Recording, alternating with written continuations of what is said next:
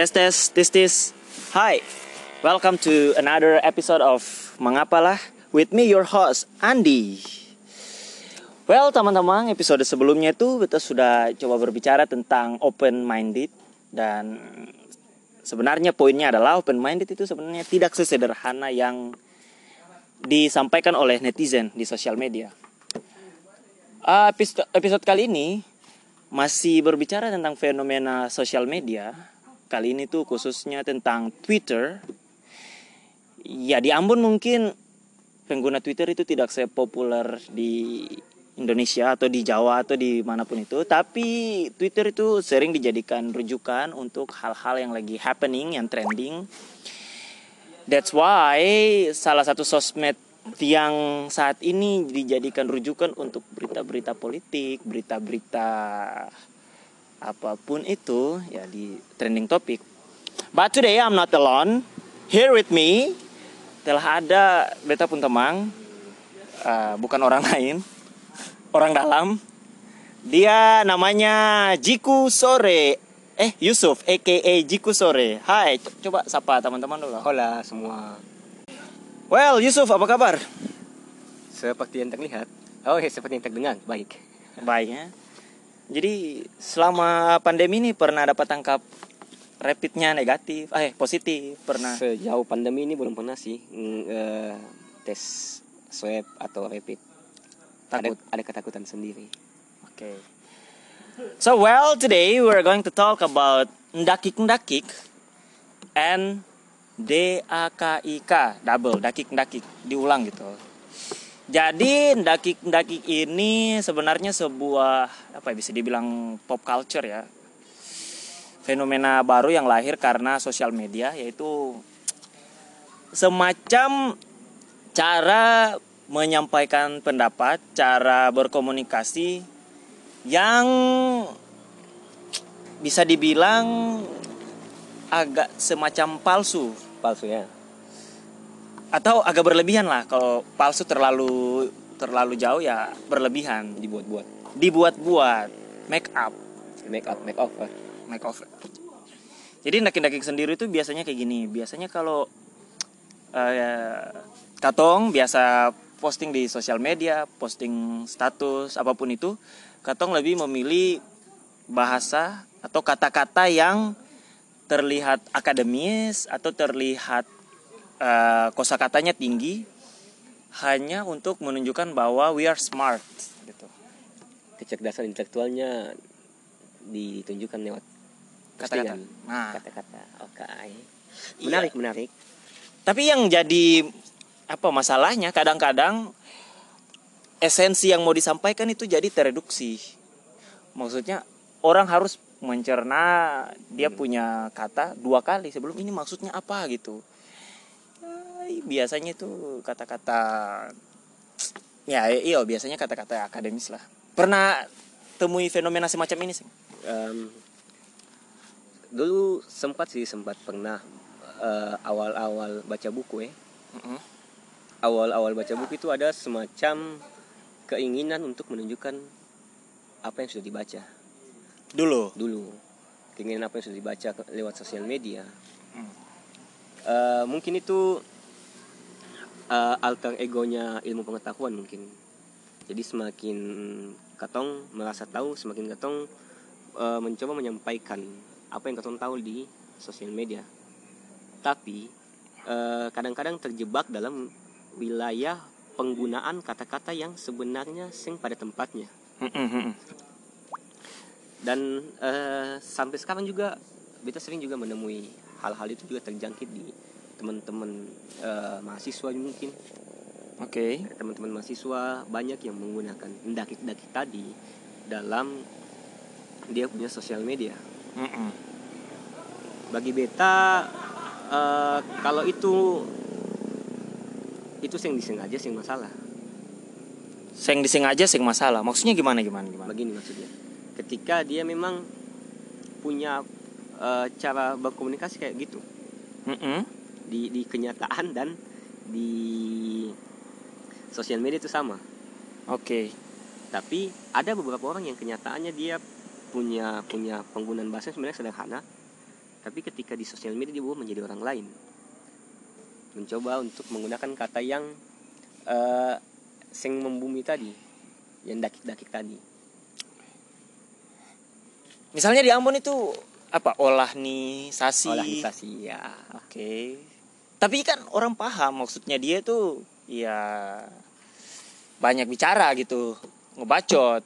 iya kan sebenarnya kalau ngebacotnya dipahami kayak katong nih sedang ngebacot nih Iya. kalau dipahami dan dimengerti apa yang katong maksudkan oleh orang lain kan sebenarnya sih masalah Oke. tapi kalau sampai ada kata-kata yang harus di eh, dicari ulang dulu di eh, kamus-kamus kata-kata ilmiah mungkin atau kata-kata yang biasa berakhiran si si itu bagi beta itu mengurangi esensi dari apa yang dia maksudkan sih mengurangi esensi eh, komunikasi Oke. Jadi ini menurut saya pribadi ini terbatas dalam konteks bahasa Indonesia kah atau dalam bahasa Inggris juga? Ya well, kalau beta kan sering campur-campur nih. Nah. Karena jurusannya bahasa Inggris. Sebenarnya kalau mau jujur ada beberapa ekspresi itu kalau beta pribadi lebih dapat pakai bahasa Inggris kayak ketimbang bahasa Indonesia. Misalnya kayak untuk menyapa orang, well, what's up guys, kayak gitu-gitu kayak ya terdengar lebih keren saja sih kalau pakai bahasa Inggris dibandingkan bahasa Indonesia gitu. Menurut saya itu termasuk daking-daking sih dalam konteks ini atau ke kalau penggunaannya bahasa Inggris penggunaan bahasa Inggris yang dicampur bahasa Indonesia.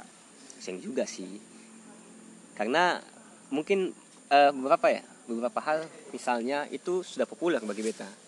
Oke. kayak eh, sekarang di eh, ada ala-ala komunikasi anak-anak jaksel. Anak Jaksel, nah, oke. misalnya atau mungkin Ambon Selatan nih. Hai, Ambon Selatan. Amsel. Anak-anak jaksel yang mencoba menggabungkan antara bahasa Indonesia dan bahasa Inggris. Tapi itu eh, bahasa Inggrisnya itu bahasa Inggris yang sederhana kok mbak. Berarti yang lihat yang kita lihat bukan bahasa Inggris yang eh, digunakan dalam forum-forum intelektual Oke, jadi bahasa Inggrisnya itu bahasa Inggris sederhana. Oke. Well, iya Iya emang gitu. Jadi waktu beta kuliah dulu pernah belajar yang namanya switching code atau ya switching code. Gitu. Jadi ketika orang itu dia bilingual ataupun polyglot menguasai lebih dari satu bahasa, jadi pada saat tertentu itu hal yang alamiah kalau dia bicara itu nanti bakalan campur-campur bahasa. Kayak katong bahasa Indonesia logat Ambon atau dengan ya itu hal yang alami dan itu biasa terjadi kalau orangnya itu memang bilingual atau polyglot. tapi itu kan eh, tidak dalam rangka saya eh, sengaja untuk itu dalam arti kita juga pernah eh, berbincang dengan beberapa teman yang menguas- bukan menguasai juga sih punya punya kemampuan yang lebih terhadap bahasa dia itu kadang-kadang ada kata yang dia ingin sampaikan tapi eh, dalam dia pikiran tuh yang ada padanannya dalam bahasa Indonesia. Nah, kan kayak gitu. Iya bukan iya bukan saya ada tapi kayak Cuma- belum belum dapat belum gitu dapat. Yang ekspresi yang paling tepat. yang paling terpikirkan saat itu adalah yang bahasa Inggrisnya kan? Nah, biasanya gitu. jadi digunakan bahasa Inggrisnya. Ya fenomena itu sering terjadi. Terus ada juga nih eh dalam ilmu nanti ilmu apa ya bahasa? Misalnya orang kalau dia itu menguasai lebih dari satu bahasa ada semacam eh, kecenderungan kalau dia pakai bahasa Inggris karakternya lain pakai bahasa Indonesia karakternya lain pakai bahasa Rusia apa pun itu karakternya lain jadi agak beda-beda sedikit bahasa mempengaruhi karakter Iya, cara cara penyampaian, Hmm. cara cara berbicara itu tergantung bahasa. Kayak, iya, kayak lebih lebih maskulin lebih, lebih feminin. maskulin, lebih feminim. Kayak Kalau gitu. bahasa Inggris sih banyak yang kayak lebih Iya, lebih feminim kalau mau bicara bahasa Inggris karena Hmm. iya begitulah. Well, ndaki-ndaki kita balik lagi. Em, Pernah di posisi menggunakan bahasa ba- eh kata-kata terlalu tinggi karena setelah membaca buku. pernah Pernah. Oh, ah, tadi beta bilang alter egonya ilmu pengetahuan mungkin tapi bagi beta sebenarnya sih terlalu tinggi tinggi amat Mm-mm, karena pada saat itu eh katong sudah membaca mm-mm. membaca buku kemudian pada taraf tertentu katong menganggap bahwa orang yang orang lain juga pernah baca buku itu Oke. Jadi, Jadi katong- memang tujuannya untuk orang yang pernah baca buku Yap. yang sama. Tujuannya untuk orang yang pernah baca buku yang sama. Eh, Atau- bukan baca buku yang sama juga tapi eh, katong sudah punya titik eh, start yang sama dalam melihat beberapa kata karena kan semakin sebenarnya kan semakin banyak membaca buku itu juga menambah vokab vocab betul Dari ketong ketong banyak bahasa jangan kan bahasa Inggris bahasa bahasa Indonesia juga ketong eh, juga banyak hal yang ketong tahu tentang bahasa Indonesia dan lewat buku ketong tahu. Nah pada titik itu kan ketong sebenarnya menggunakan istilah-istilah baru yang tadi ketong dapatkan lewat buku di di eh, sosial media. WA story Instagram Facebook oke. Tapi memang ada yang sengaja seng- dengan sengaja menggunakan eh, kata-kata yang tadi dakik-dakik dan menjadi menjadinya aneh. aneh Aneh karena kayak bagi beta kayak katong pakai baju renang ke orang nikahan gitu. Dalam artian ada eh, dalam satu tulisan yang satu paragraf itu ada beberapa kata itu yang mencolok sekali sehingga mengganggu eh, ritme orang dalam membaca pakai baju renang di orang orang nikahan nikahan. Kalau nikahannya di kolam renang ya mungkin ya, saja masalah kan. oke oke Kalau semua pakai baju renang siapa apa? Kalau temanya tentang Wow. Jadi dalam satu ritme itu dia sendiri yang merasa janggal karena munculnya kata-kata itu. Mm-mm. Ada semacam satu kata yang janggal. tapi sebenarnya katong bisa meng- menghilangkan dakik-dakik itu. Dengan cara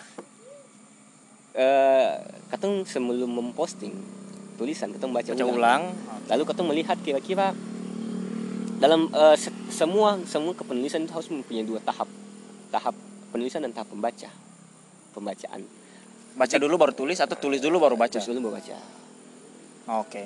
Maksudnya eh, tulis dulu Baru baca ulang. baru baca ulang. Tapi Tulis. ketika katong membaca apa yang katong tulis, itu katong memposisikan diri sebagai pembaca. Oh. sebagai orang luar bukan orang yang menulis jadi ketemu melihat eh, dari satu kesatuan tema tadi satu kesatuan tulisan tadi itu kira-kira di mata pembaca mana yang agak seng agak mengganggu gitu beta sering menggunakan eh, baca ulang oh ini beta cari kata yang lebih sederhana yang lebih mudah dipahami Well, oke. Jadi kalau menurut saya pribadi sebenarnya permasalahan ini tuh eh apa sumbernya itu dari mana gitu. Orang sampai ikut-ikutan tren pakai bahasa yang yang tinggi itu sebenarnya fenomena ini, ini masalahnya apa gitu. ini ini juga yang bisa dipungkiri kalau menurut beta ya menurut beta pribadi yang bisa dipungkiri berkembangnya sosial media itu membawa orang ingin eksis Betul? ya dan Setuju? banyak cara orang untuk eksis Mm-mm. ada yang eh, cenderung ke sastra misalnya ada yang menggunakan semua cara itu digunakan untuk dapat di notice kalau dia ini ada di belahan dunia dan salah satunya itu juga mungkin eh, bagi beta yang dakik-dakik tadi Mm-mm. itu menjadi dia punya warna tersendiri dalam eh, ragam sosial media itu orang akan menulis oh di penulisan walaupun nanti menjadi cemooh orang-orang yang eh, tadi mungkin istilahnya smart shaming ya Smart shaming. ya jadi katong Dianggap sok pintar. sok pintar ya tapi nanti lama kelamaan eh, semacam imajina eh, imajinasi tentang dia itu tetap bangun Bahwa bahwa dia itu orangnya memang sudah eh, terbiasa menggunakan kata-kata kayak gitu. Jadi kalau dia menggunakan kata-kata bahasa yang biasa yang dimengerti oleh orang lain malah bukan dia lagi. Misalnya eh, beta ambil contoh Vicky Prasetyo.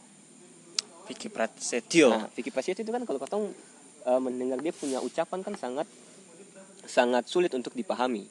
Vikinisasi bahkan Ah, di- disebut vikinisasi banyak. bahkan ada yang mungkin yang membuat kamus khusus kata-katanya Vicky Prasetyo Heeh. tapi itu dia gunakan itu untuk memang menjadi orang tahu dia, diserang dari awal-awal diserang karena masalah penggunaan bahasa tadi tapi lama kelamaan dia bertahan dan konsisten dengan penggunaan bahasa itu akhirnya orang melihat bahwa eh, ini sesuatu yang yang yang baru Oh, oke dan oke. itu menjadi dia punya eh, Semacam dia punya identitas lah Ah. sekarang dan dia terkenal gar gara-gara Gara-gara itu. eh, bahasa-bahasa Iya iya iya iya. Ya, jadi vikinisasi tadi. Mm-mm. Dan dia terkenal gara-gara terkenal itu. gara-gara itu mungkin daki-daki itu istilahnya Tapi kalau menurut saya ini ya masalahnya ini bahasa atau komunikasi. Sebenarnya Bahasa maksudnya spesifiknya itu di grammar lah, kalau beta sih sebenarnya tata bahasanya. bahasa sih pernah salah sih Bahasa yang pernah salah. cara menyampaikan bahasa itu yang komunikasi komunikasi yang salah karena eh, harusnya ketemu paham pada saat mana ketemu harus menggunakan bahasa apa. Yang bisa dipukul rata semua eh, forum atau semua pertemuan itu harus menggunakan bahasa yang satu. Eh, kadang-kadang juga bahasa-bahasa yang dakik-dakik tadi itu tuh diperlukan dalam misalnya rapat-rapat organisasi. Itu melihat eh, standing posisinya itu ada. Jadi itu memang eh, selama beta ada dalam dunia organisasi memang ketong eh, bukan diajarkan cuman di, di, diturunkan ilmunya untuk pakai bahasa yang ah, bah- akademik bahasa yang akademik. yang tinggi ya. Iya.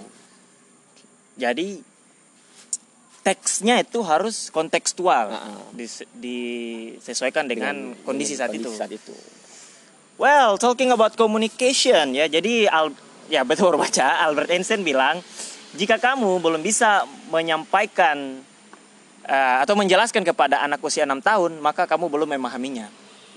Agree? Did you agree? Ah, dalam hal apa dulu ya kita, tapi kita sepakat sih kalau untuk tujuan komunikasi secara umum Maksudnya untuk menyederhanakan ya kita sepakat maksud dan tujuan. anak umur 6 tahun lah jadi pola pikirnya sudah terbentuk atau kira-kira Well, mungkin anak Ya, umur 6 tapi, tahun ya, di yang- Jerman, di US, tapi, tapi sebenarnya beta kan melihat intisari dari apa yang disampaikan oleh Albert Einstein sebenarnya dalam menggunakan bahasa itu sederhana saja yang penting supaya wah, dia menggunakan patokan umur anak anak umur 6 tahun kita yakin itu sebagai eh, generalisasi supaya semua itu mengerti apa yang disampaikan bahwa kalau umur 6 tahun saya mengerti harusnya yang lain mengerti begitu it is. Jadi masalahnya bukan pada bahasa menurut dirimu, tapi tapi komunikasi, komunikasi cara menyampaikan menyampaikan. bahasa tadi dan yang paling penting sebenarnya yang beta ingin bilang bahasa itu alat komunikasi bukan atraksi Bahasa itu alat komunikasi, bukan atraksi. So, thank you guys. I till I think this is the end of this episode. Till next time. See you.